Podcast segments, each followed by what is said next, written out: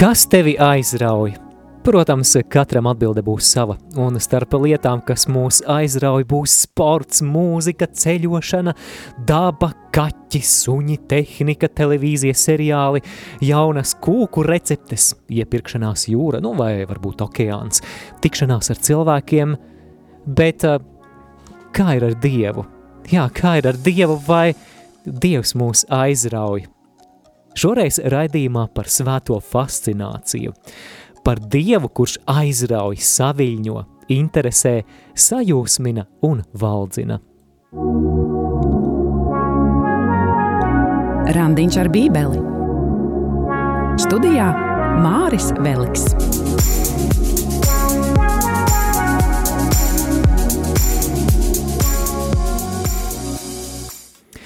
Esiet sveicināti, mīļie Bībeles lasītāji! Turpināsim šodien lasīt Mateja evaņģēlija 13. nodaļu, bet es tev atzīšos, klausītāji, zini, ir tas teiciens, cilvēks domā, Dievs dara.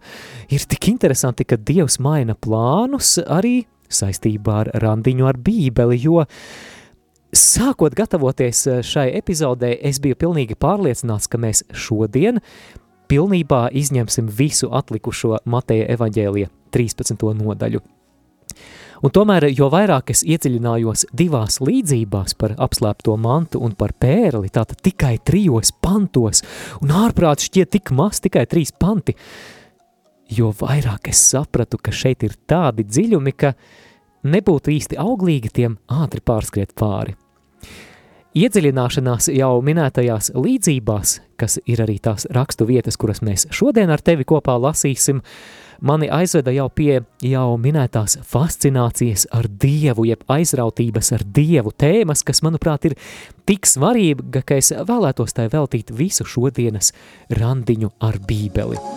Jā, protams, protams, no vienas puses ir kārdinājums ātrāk sasniegt arī Mateja evaņģēlija nākamo, proti 14.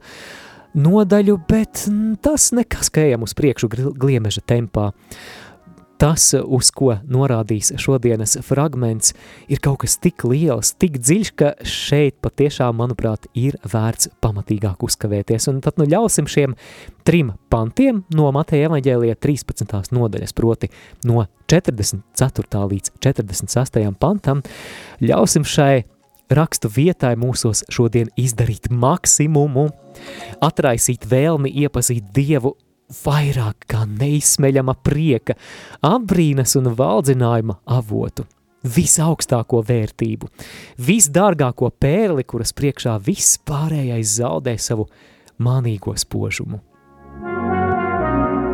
Tad nu šoreiz raidījumā Mateja evaņģēlija 13. nodaļa no 14. līdz 48. pantam būs līdzība par apslēpto mantu un līdzība par pērli. Tūlīt arī lūksim Dievu raidījumu uzsākot, bet vēlos atgādināt arī, ka šo raidījumu varat vērot video tiešraidē vai arī ierakstā Facebook lapā Randiņš ar bībeli. Ja neesat ielaikojuši šo kanālu, tad droši to tagad izdariet, lai sekotu līdzi visiem jaunumiem saistībā ar Randiņu ar bībeli.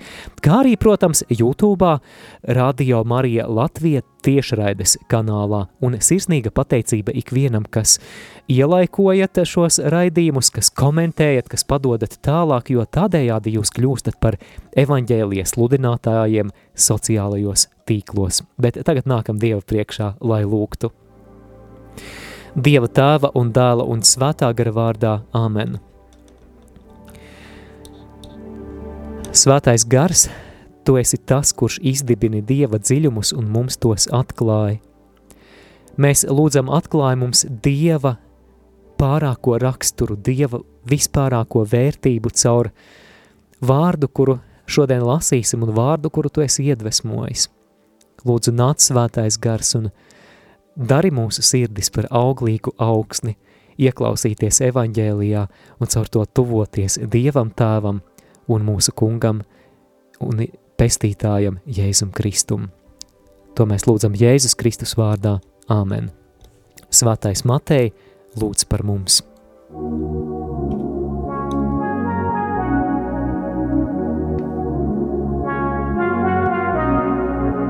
Uzmanību! Raidījums vedot klausītāju pa Bībeles dzīļu aizraujošajiem līkločiem, kur iespējams vēl nekad nav būts. Var izraisīt nopietnu atkarību no privāta randiņa ar svētajiem rakstiem ikdienā.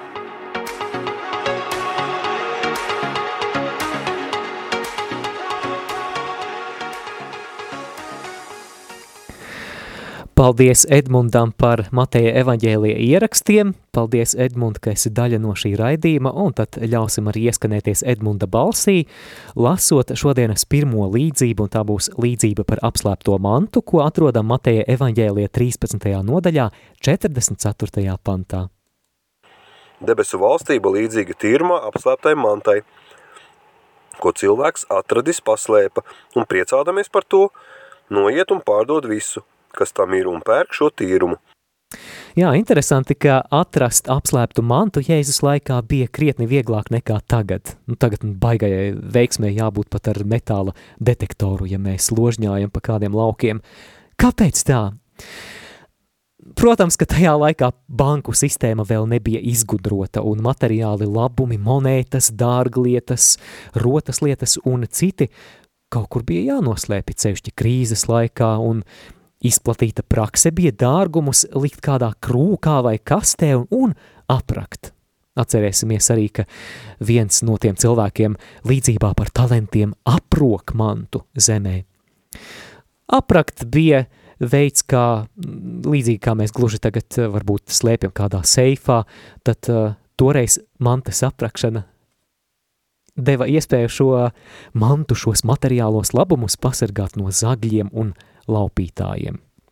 Piemēram, slavenajos vara ruļļos, ko uzgāja kādā no Kumrāna salām, ir norādītas vairākas apslēptu dārgmetālu un citu dārgumu atrašanās vietas. Tad no Jēzus šīs līdzības pamatā šeit izmanto tam laikam pilnīgi normālu parādību, ka tīrumā varēja būt apslēpta manta. Jā, iespējams, ka šajā tīrumā mantu bija noslēpis šī tīruma iepriekšējais saimnieks, kurš ļoti iespējams jau bija miris, un šis cilvēks, kurš nejauši šo mantu tīrumā ir atradis, saprotot, ka apslēptās mantas vērtība krietni, krietni, krietni vien pārsniec paša tīruma vērtību, ir gatavs pārdot visu, kas viņam ir, lai šo tīrumu ar apslēpto mantu nopirktu – un iegūtu savā īpašumā. Bet ko tad īsti Jēzus vēlējās pateikt ar šo līdzību? Pirmkārt, tā ir līdzība par pilnīgu nodošanos debesu valstībai. Līdz galam un no sirds. Jā, mantas atradējs taču pārdot visu apslēptās mantas, jeb debesu valstības dēļ. Tātad veltīšanās debesu valstībai paredz, ka tai jākļūst ir par vissvarīgāko. Visas pārējās vērtības vienkārši nobaltās priekšā. To simbolizē šajā līdzībā tas, ka cilvēks ir gatavs zaudēt visu, kas viņam ir bijis, lai tikai iegūtu šo dārgo mantu. Tātad līdzība ir arī par atteikšanos no kaut kā, kāda lielāka labuma dēļ un tikai tie, kuri debesu valstību padara par savu galveno prioritāti, patiešām līdz galam arī baudīs šīs valstības svētības. Un te nu mēs nonākam pie svarīga jautājuma, iespējams arī tev klausītāji jau ir radies jautājums, bet ko tad īsti nozīmē atteikties no visa debesu valstības dēļ? Nu, vai tas nozīmē tādu burtisku atteikšanos no visa, vai tas nozīmē, piemēram, ka mums ir jāpārdot māja un mašīna un jākļūst par mūku eremītu kaut kur tuksnesī? Nē. Tā pavisam praktiski atteikšanās no visa Dieva dēļ ir atbilstoša mūsu dzīves stāvoklim un aicinājumam. Piemēram, ja kāda aicinājums patiešām ir konsekrēto dzīve, tātad kļūt par mūku, mūķeni, klostermāsu, klosterbrāli, tad atteikšanās varētu būt visai burtiska. Jo klostermāsas, klosterbrāļi patiešām ir atteikušies no visa, lai veltītos vislielākajam dārgumam dievam. Savukārt cits gadījums, iedomājies, ja ģimenes māte un tēvs burtiski atteiktos no īpašuma, vai tā nebūtu bezatbildība? Jā, tā būtu atteikšanās, kas ir pretrunā šo cilvēku aicinājumam un dzīves stāvoklim, tātad pretrunā Dieva gribai, lai šie cilvēki varētu gādāt un rūpēties par savu ģimeni, par saviem bērniem. Tad, ko īsti šī atteikšanās no visa šīs dārgās apslēptās mantas, jeb debesu valstības dēļ nozīmē tiem, kuru aicinājums nav būt par mūku un mūķeni? Protams, ne jau burtisku atteikšanos no saviem īpašumiem un citām vērtībām. Tad no uzmanību.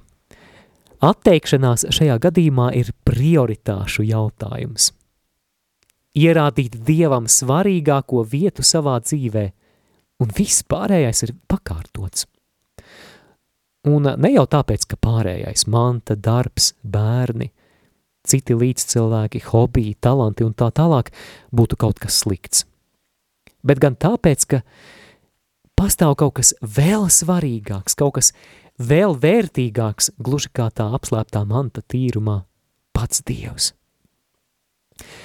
Atcerēsimies, ka Jēzus šo atziņu jau komentēja Mateja evaņģēlija 10. nodaļā, 37. pantā, kas tēvu vai māti mīl vairāk par mani, nav manis cienīgs.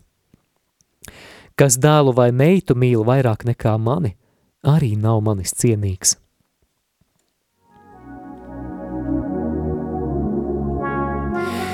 Jā, jā, es zinu, ka šī doma par atteikšanos no visa Dieva valstības dēļ pat tādā garīgā nozīmē mums šķiet biedējoša, tā izraisa mūsos varbūt kaut kādu nemieru, vai tad Dievs caur to negrib man atņemt to, kas man ir svarīgs. Nē, negrib gan. Tieši pretēji, ja Dievs mūsu vērtību sistēmā ieņem pirmo un vissvarīgāko vietu, tad viss pārējais ir zem Dieva – un Dievs var izliet svētību pār šo visu pārējo. Jā, ja mūsu vērtību sistēma ir sakārtota tā, ka Dievs ir augšgalā, bet viss pārējais ir zem viņa, tad visam pārējam ir iespēja tikt svētdarītam.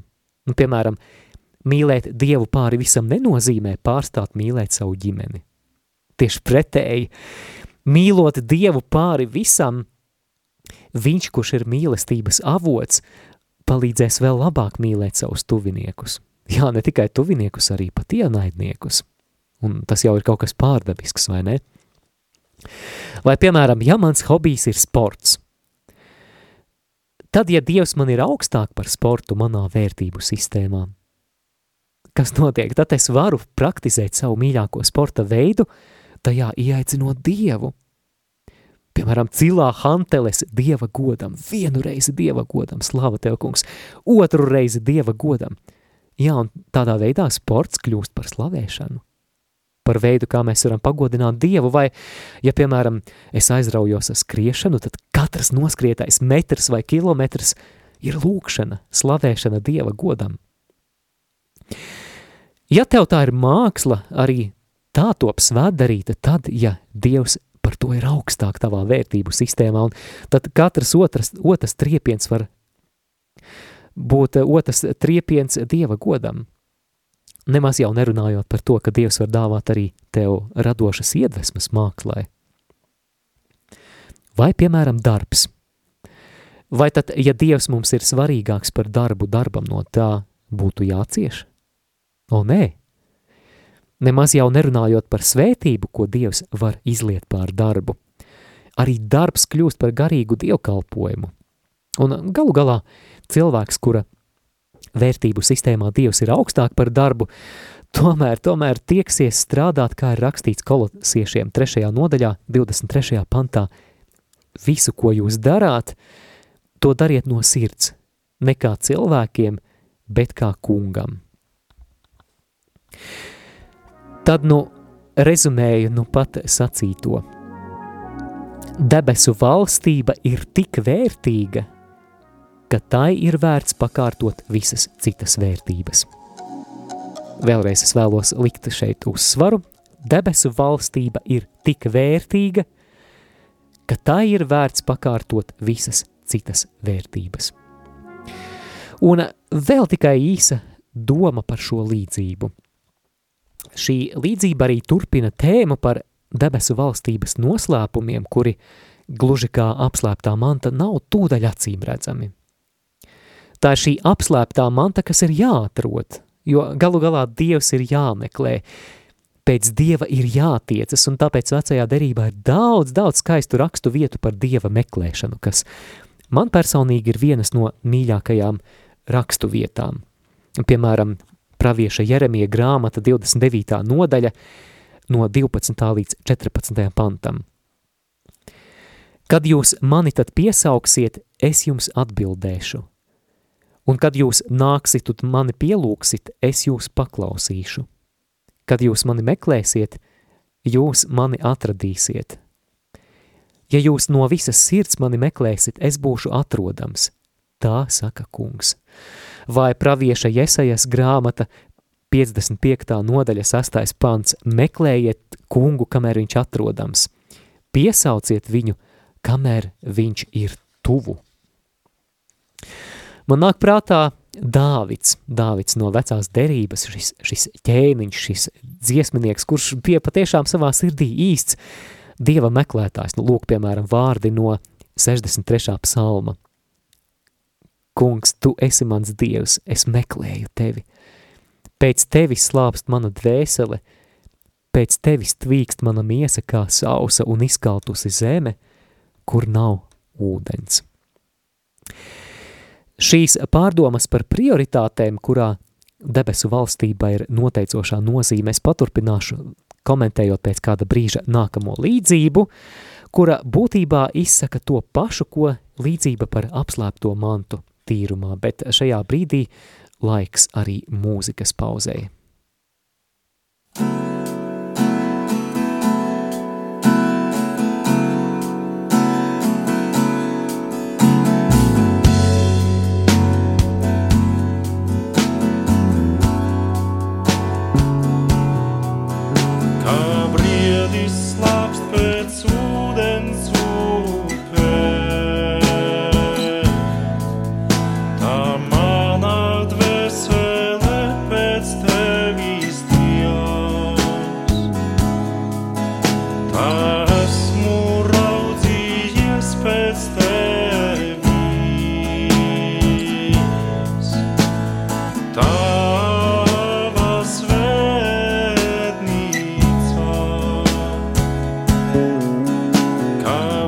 this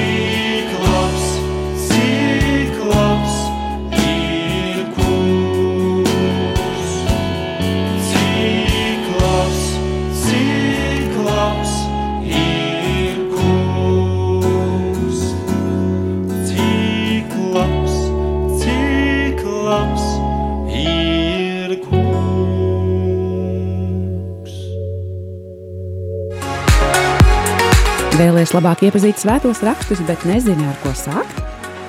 Raidījums Randiņš ar Bībeli ir tava Bībeles studiju iespēja. Dinamiska, mūsdienīga un baznīcai uzticīga. Studē Bībeles grāmatas kopā ar savedēju Māri Vēliku.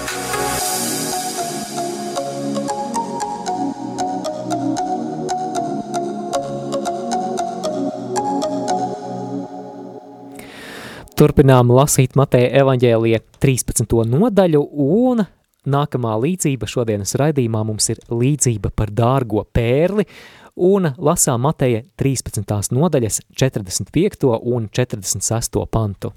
Vēl debesu valstība līdzīga tirgotājam, kas meklēja dārgas pērles un atradis vienu sevišķi dārgu pērli, nogāja un pārdeva visu, kas tam bija, un nopirka to – Pērles senajā pasaulē tika ļoti augstu vērtētas. Pērles liecināja par lielu bagātību krāšņu, un, piemēram, Jāņa atklāsmes grāmatā 21, 21 ir minēts, ka simboliskās jaunās Jeruzalemes vārti ir veidoti no kā, pareizi klausītāji, tu uzminēji no pērlēm. Līdzība par pērli, ko nu pat dzirdējām, runā būtībā par to pašu, par ko arī iepriekšējā līdzība par šo apslēpto mantu. Tāda tā runā par debesu valstības vērtību, kas ir pārāka par visa pārējā vērtību. Tā ir tā viena pērle, tā viena dārgā pērle, kas aizēno visu citu pērļu vērtību. Un tāpēc ir vērts atteikties no visa, lai tikai šo pērli, šo debesu valstību iemantotu. Lūk, šī galvenā doma. Izvērsīsim tālāk šo ideju. Vai ievēroja klausītāji, ka atteikšanās no visa šeit nav vienkārši pienākuma pēc. Vai ievēroja, ka šajā līdzībā te nav kaut kāda likuma vai pavēles, tev obligāti ir jāpārdot viss un jāiegūst šī pērle? Vai ievēroja, ka cilvēks, kurš atradis šo īpašo pērli, neatsakās no visa pārējā ar sakostiem zobiem? Eh, nu nav man citu variantu. Ak, būs jāšķiras no visa. Žēl, bet nu, ko padarīji, ko tu padarīsi, vai ne? Ievēro, ka cilvēks ar entuziasmu pārdot visu un nopērk šo dārgo pērli. Zini, kāpēc? Viņš ir saviļņots par šī atraduma vērtību. Var iztēloties saviļņojumu, šo aizrautību, ka, wow, es pat iedomāties nevarēju, ka kaut kas tāds pastāv, ka ir šāda pērle, ka ir kaut kas tik vērtīgs, kaut kas tik dārgs, un tā priekšā viss pārējais zaudē nozīmi. Ir vērts visu pakārtot debesu valstībai, tāpēc, ka Dievs fascinē, tāpēc, ka Dievs fascinē. Dieva vērtība aizrauj elpu. Kaut ko līdzīgu pēc savas atgriešanās pieredzes piedzīvoja arī apustulis Pāvils, saprastams, ka viss, kas viņam ir, šķitis svarīgs līdz tam, salīdzinot ar Dieva pazīšanu, ko viņš ir iemantojis, izrādās ir nieki. Lūk, kā pats Pāvils to apraksta vēstulē Filipiešiem trešajā nodaļā no 7. līdz 8. pantam. Bet kas man bija ieguvums, to es Kristus dēļ esmu uzskatījis par zaudējumu, raksta Pāvils. Bet arī tagad es visu to uzskatu par zaudējumu, salīdzinot ar mana kunga Kristus Jēzus atziņas nesalīdzināmo pārākumu, kura dēļ es visu to esmu zaudējis un uzskatu to par mēsliem, lai iegūtu Kristu. Par mēsliem, oh, kā viņš tā raidījumā varēja minēt, te nē, es te Pāvils tā raksta. Jā, un lai arī mēs runājam, ja mēs runājam par atgriešanos, mums šķiet, ka atgriešanās ir tāds viengabalains process, bet es vēlos kādā kādā domā, kādā atziņā ar tevi klausītāji padalīties par atgriešanos. Ka patiesībā, patiesībā var būt dažādi atgriešanās līmeņi. Tas pirmais atgriešanās līmenis ir, kad cilvēks saprot, ka Dievs ir un vajadzētu tomēr mainīt savu dzīvesveidu. Vajadzētu atteikties no tiem grēkiem, tos izsūdzēt, varbūt ir bail no Dieva soda, no mūžīgās paz, pazušanas ellē, un tad nu mainām savu dzīvi, cenšamies dzīvot kristīgi, bet iekšā varbūt joprojām ir tā sajūta, eh, ja vien Dieva nebūtu, es labprāt būtu turpinājis dzīvot kā iepriekš. Pārkāpis laulību, nedēļas nogalēs piedzēries, bet, nu, tagad, kad esmu kristietis, nu, nevar. Dievs taču ir. Bet klausītāji ir arī cits atgriešanās līmenis, kad, kad mēs Dievu iepazīstam kā visdārgāko pērli kā šajā līdzībā. Mūs vienkārši pārņem tā fascinācija par to, kāds Dievs ir. Mums aizraujas elpa, kaut vai tikai mazliet sākot nojaust, kāds ir Dievs. Svēts, vērtīgs, dižens, mūžīgs, skaists. Wow! Jā, atklāt Dievu kā visdārgāko pērli, tā ir svētā fascinācija. Pats Dievs mūs sāk aizraut, sajūsmināt, valdzināt, pārsteigt, vilināt. Pats Dievs. Un nav nekā dārgāka, nav nekā labāka par šo pērli. Dievs sāk sniegt vislielāko piepildījumu, ko nekas cits šajā pasaulē nespēs sniegt. Un tad jau tu atsakies no grēka nevis tāpēc, ka tev bail no elles vai no dieva dusmām, vai arī tev vienkārši tas viss jau ir piegriezies līdz kaklam, līdz mielēm, esi atēdies. Tu atsakies no grēka tādēļ, ka visdārgākās pērles, apbrīnojamā, majestātiskā, svētā, mīlošā un labā dieva priekšā viss, kas agrāk tevi ir vilinājis, tagad zaudē savu spožumu. Esmu dzirdējis kāda kristieša liecību, kurš saviem draugiem, narkomāniem pēc radikālas atgriešanās esot liecinājis, Eju, večies, esmu atradis kaut ko daudz labāku par narkotikām. Puiši jautā, ko? Dievu! Jā, man ir tā sajūta klausītāji, ka Kamēr mēs uz kristietību skatāmies kā uz mokošu nastu, ka morāles latiņa ir pārāk augsta un baznīca kaut ko prasa un svētajos rakstos augstas prasības, ir jātērē laiks lūkšanai, svētdienās vēl tie dievkalpojumi, kad kaut ko citu varētu padarīt, mums ir jāatklāj svētā fascinācija. Aizrautība ar Dievu kā visdārgāko pērli.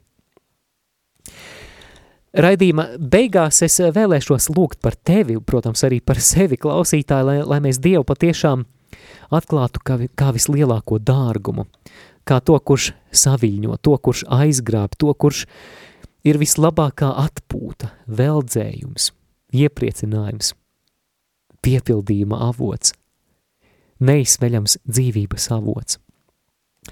Bet doma – kuru es tev, klausītāji, vēlos atstāt šī raidījuma beigās, ir šī. Mācies baudīt Dievu. Mācies baudīt Dievu. Par to pēc brīža.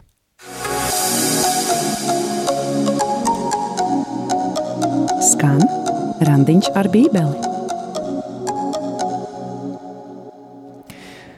Tātad ceļa maizē atziņa mācies baudīt Dievu šo visdārgāko, viskrāšņāko, visbrīnišķīgāko pērli, kurai nav līdzīgas.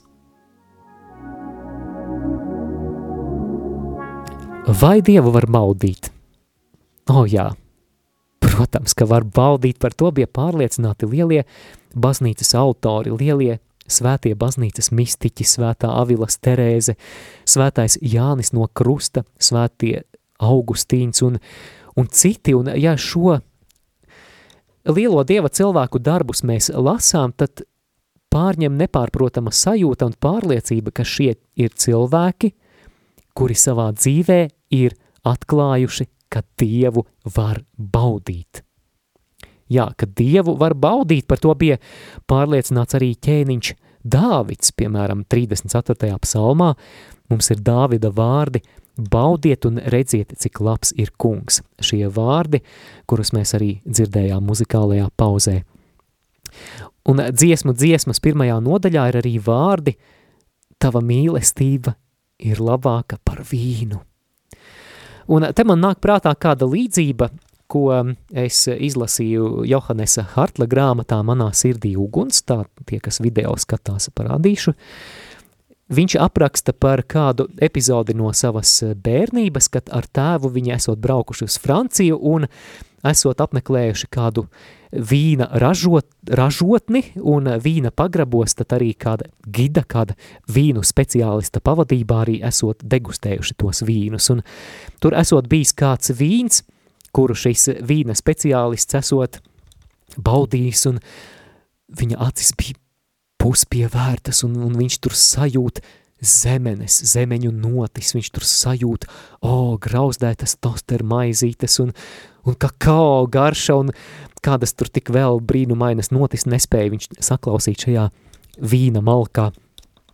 Tad tā Johannes un viņa tēvs arī nobauda to vīnu un, un viņi konstatē, ka, nu jā, it kā labs vīns, bet, bet vai viņi spētu šo divus simtus vai trīs simtus eiro maksājošo vīnu atšķirt no vīna, kas maksā, piemēram, tikai 20 eiro, nu par to Johannes nebija pārliecināts, un, un viņš ņem to kā, kā tādu līdzību tam, ka mūsu garšas izjūta, jā, ka, ka mēs varam runāt par tādu garšas izjūtu arī mūsu attiecībās ar Dievu, un ka šī garšas izjūta, šīs garšas kārpiņas var būt netrenētas.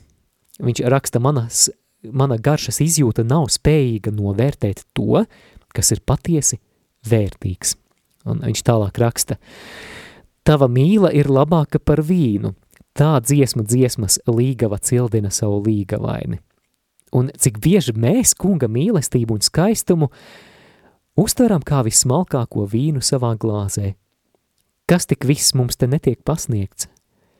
Svētie raksti atklāja daudz krāsainu, daudz slāņainu, daudz dimensionālu, fascinējoša, brīnumskaista dieva attēlu. Jēzus Kristus vienreizīgajā veidolā atmirts kaut kas no tā, ko intuitīvi nojauš ik viens cilvēks. Ir iespējama pilnīga cilvēciska esamība, un ir iespējama pavisam vesela, nesamaitāta daba. Tikai cik augstu mēs novērtējam dārgās bībeles tekstu lāses, kuras dzeram? Ar kādu iekšējo sakopotību mēs izgaršojam Jēzus vārdu nianses?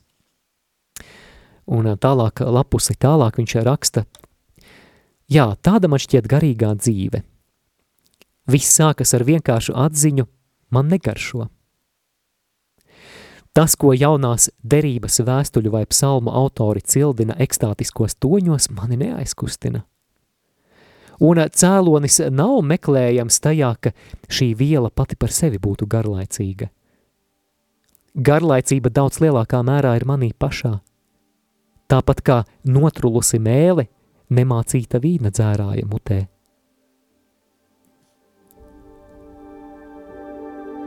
Viņš turpina, ik katrā mākslā un it visā, kas ir skaists, atklājas princips, ka vajag vingrināties, lai spētu patiesi baudīt.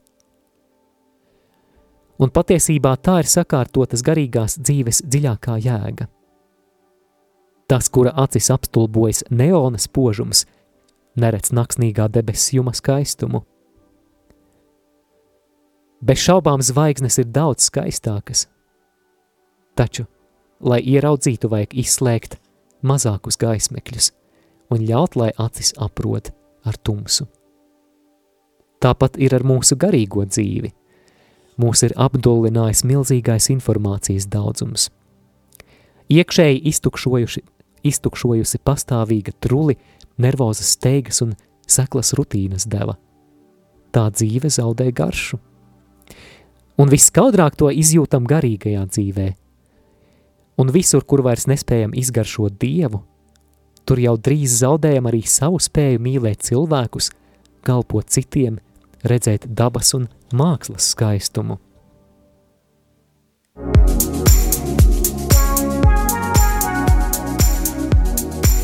Skan Randiņš ar Bībeli.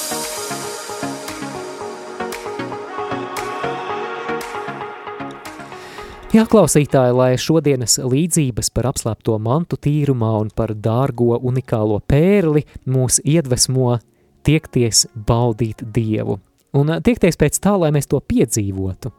Jā, patiešām Bībele runā par Dievu, kurš ir aizraujošs, fascinējošs, un šo Dievu var baudīt. Piemēram, 16. psalmā ir vārdi prieka pārpilnība tava vaiga priekšā – līksmība pie tavas labās rokas uz mūžiem. Vai apustulis Pāvils vēstulē Filipiešiem 4. nodaļā, 4. pantā saka, priecājieties kungā. Es jums vēlreiz saku, priecājieties. Jā, Pāvils runā par, par Dievu kā neizsmeļama prieka avotu. Un tu, klausītāji, tu, skatītāji, drīksti baudīt Dievu. Un ja tas nav Dievs, kurš ir mūsu lielākais valdzinājums un piepildījums, tad tas noteikti būs kaut kas cits. Jo galu galā Dievs mūs ir radījis, lai mēs meklējam piepildījumu. Bet ja tas nav Dievs, kurš sniedz pamatu, mieru, piepildījumu, tad tas noteikti, noteikti būs kaut kas cits. Un sliktākā, sliktākā gadījumā tas var būt grēks. Es jau minēju, ka Dāvids bija ķēniņš, kurš prata baudīt Dievu. Piemēram, vārdi no psalma, kā briedis slāpst pēc ūdens upēm, tā mana dvēsele slāpst pēc tevis. Vai 17. psalma 15. pants, bet es taisnots lūkošos tavā vaigā, modies veldzēšos ar tavu veidolu. Wow, to var teikt tikai cilvēks, kurš ir iemācījies baudīt Dievu. Savukārt, ja mēs patinām to bībeles vēsturi tālāk, Dāvidam ir dēls, kuru sauc Salomons, vai ne? Arī Salamons bija ķēniņš, bija apveltīts ar īpašu gudrību, ļoti talantīgs, ļoti apdāvināts, prata arī lūgt Dievu, viņa lūkšana ir tāda, ka templi, kurš tiek iesvēt, iesvētīts viņa laikā, piepilda Dieva godības mākonis tā, ka tur esošie priesteri vienkārši nespēja nostāvēt kājās. Viņa laikā jūdu valsts zeļ un plaukst, un, un tomēr pirmajā ķēniņu grāmatā 11. nodaļā 4. pantā mēs lasām – un Sālamanam vecam kļūstot, viņa sirds īpaši pievērsās svešiem dieviem, jo, un tālāk šeit ir pamatojums, jo viņa sirds nebija tā atradusi mieru pie kunga sava dieva, kā viņa tēva Dāvida sirds. Wow, klausītāji, vai tu nojaut kādi šeit dziļumi mēs varētu pārfrāzēt, jo viņa Sirds nebija iemācījusies baudīt kungu, savu dievu, kā viņa tēva Dāvida sirds. Tad nu lūksim Dievam šo iespēju viņu baudīt, lai mūsu sirds paliek pievērsta viņam, nevis elkiem.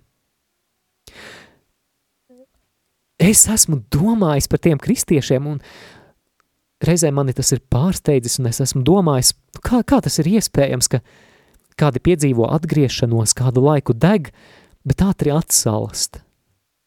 Pamazām izsīkst lūkšana, izsīkst jebkāda apetīte pēc Dieva, un man nav pilnīgas atbildes, kāpēc tas tā notiek, bet man šķiet, ka kaut kur daļa no šīs atbildes ir, ka šie cilvēki, šie cilvēki iespējams tā arī nekad nebija piedzīvojuši to, ka Dievu var baudīt. Jo man ir tā sajūta vai tā atziņa, ka Ja tu esi Dievu piedzīvojis kā visdārgāko pērli, kuras skaistumu var baudīt, kuras, kurā lūkojoties var veldzēties, tad, ka, tad šī pieredze paliek neizdzēšama. Tā atstāja tādas neizdzēšamas slāpes pēc šī mūžīgās veldzes avota, kas ir Dievs. Jā, baudiet un redziet, cik labs ir kungs. Klausītāji, mājas darbs. Mājas darbs šoreiz būs tāds atvēli ilgāku laiku lūkšanai un dieva meklēšanai. Veltīja vismaz stundu meklējot tieši dievu, nevis kaut ko citu, nevis lūdzot par kādām vajadzībām, par tuviniekiem, par kādām problēmām, to citu citreiz, ja? tam atliks laika, un tas arī ir svarīgi, bet, bet to citreiz. Šoreiz lūdz tieši dieva pazīšanu, Lūdz, lai viņš atklāja sevi kā fascinējošu dievu. Lūdz no dieva šo svēto fascināciju. Lūdz, lai tu spēj ieraudzīt viņu un viņa valstību kā visdārgāko, viskrāšņāko, visdiženāko pērli. Un esi pacietīgs šajā lūkšanā piecminūtīga lūkšana visdrīzāk nedos tev to sajūtu, ka tu sāc Dievu baudīt. Es no pieredzes varu teikt, ka reizēm pat ar 50, minūt, par, jā, ar 50 minūtēm ir par maz, lai sāktu baudīt Dievu. Reizēm mums ir nepieciešama stunda, lai, lai atliktu maliņā visu, kas novērš mūsu uzmanību, lai Dievs varētu paņemt projām no mūsu sirds tās čaulas, kas traucē mums mūsu sirdī baudīt Dievu, veldzēties viņā. Varbūt tā ir stunda, līdz tu jūti, ka pēkšņi, pēkšņi kaut kas sāk notikt tavā sirdī, ka Dievs paplašina tavu sirdi, ka Dievs dod tev kādu mierinājumu, kādu iepriecinājumu, kā, kā to sauc svētais Ignācijas Lojola, svētais Lojolas Ignācijas, nu re, kā te kaut kāds kristīgais humors sanāca. Jā, tāda Dievs sāk paplašināt sirdi, kad vairs nevajag vārdus, bet sirds ir viņa mierā. Šķiet, ka dvēsele gara acīm lūkojas viņa skaistumā un bauda un redz, cik labs ir Dievs. Pamēģini!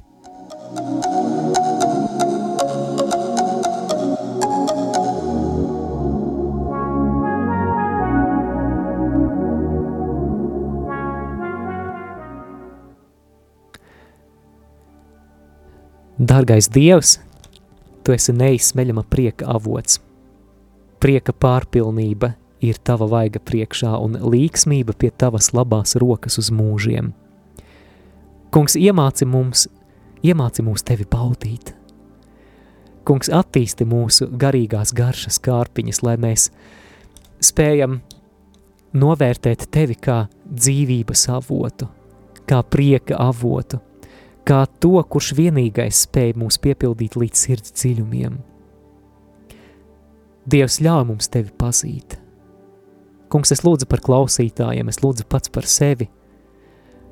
Neļauj mums stāvēt uz vietas attiecībās ar tevi, bet vedi dziļāk.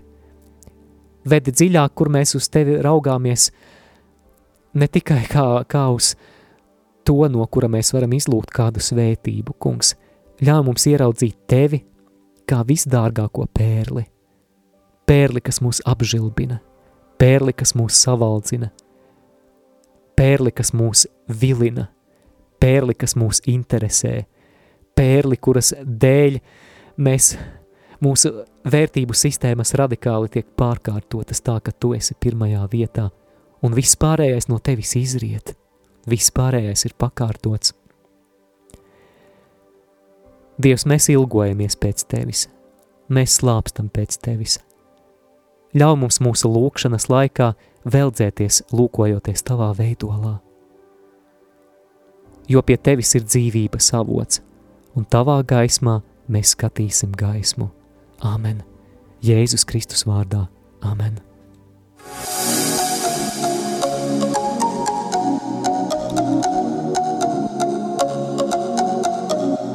Jūs klausījāties raidījumu Randiņš ar Bībeli. Savas atsauksmes, ieteikumus un jautājumus sūtiet uz e-pastu randiņš ar bībeli at gmail.com. Iepriekšējās raidījuma epizodes aicinām meklēt arhīvā.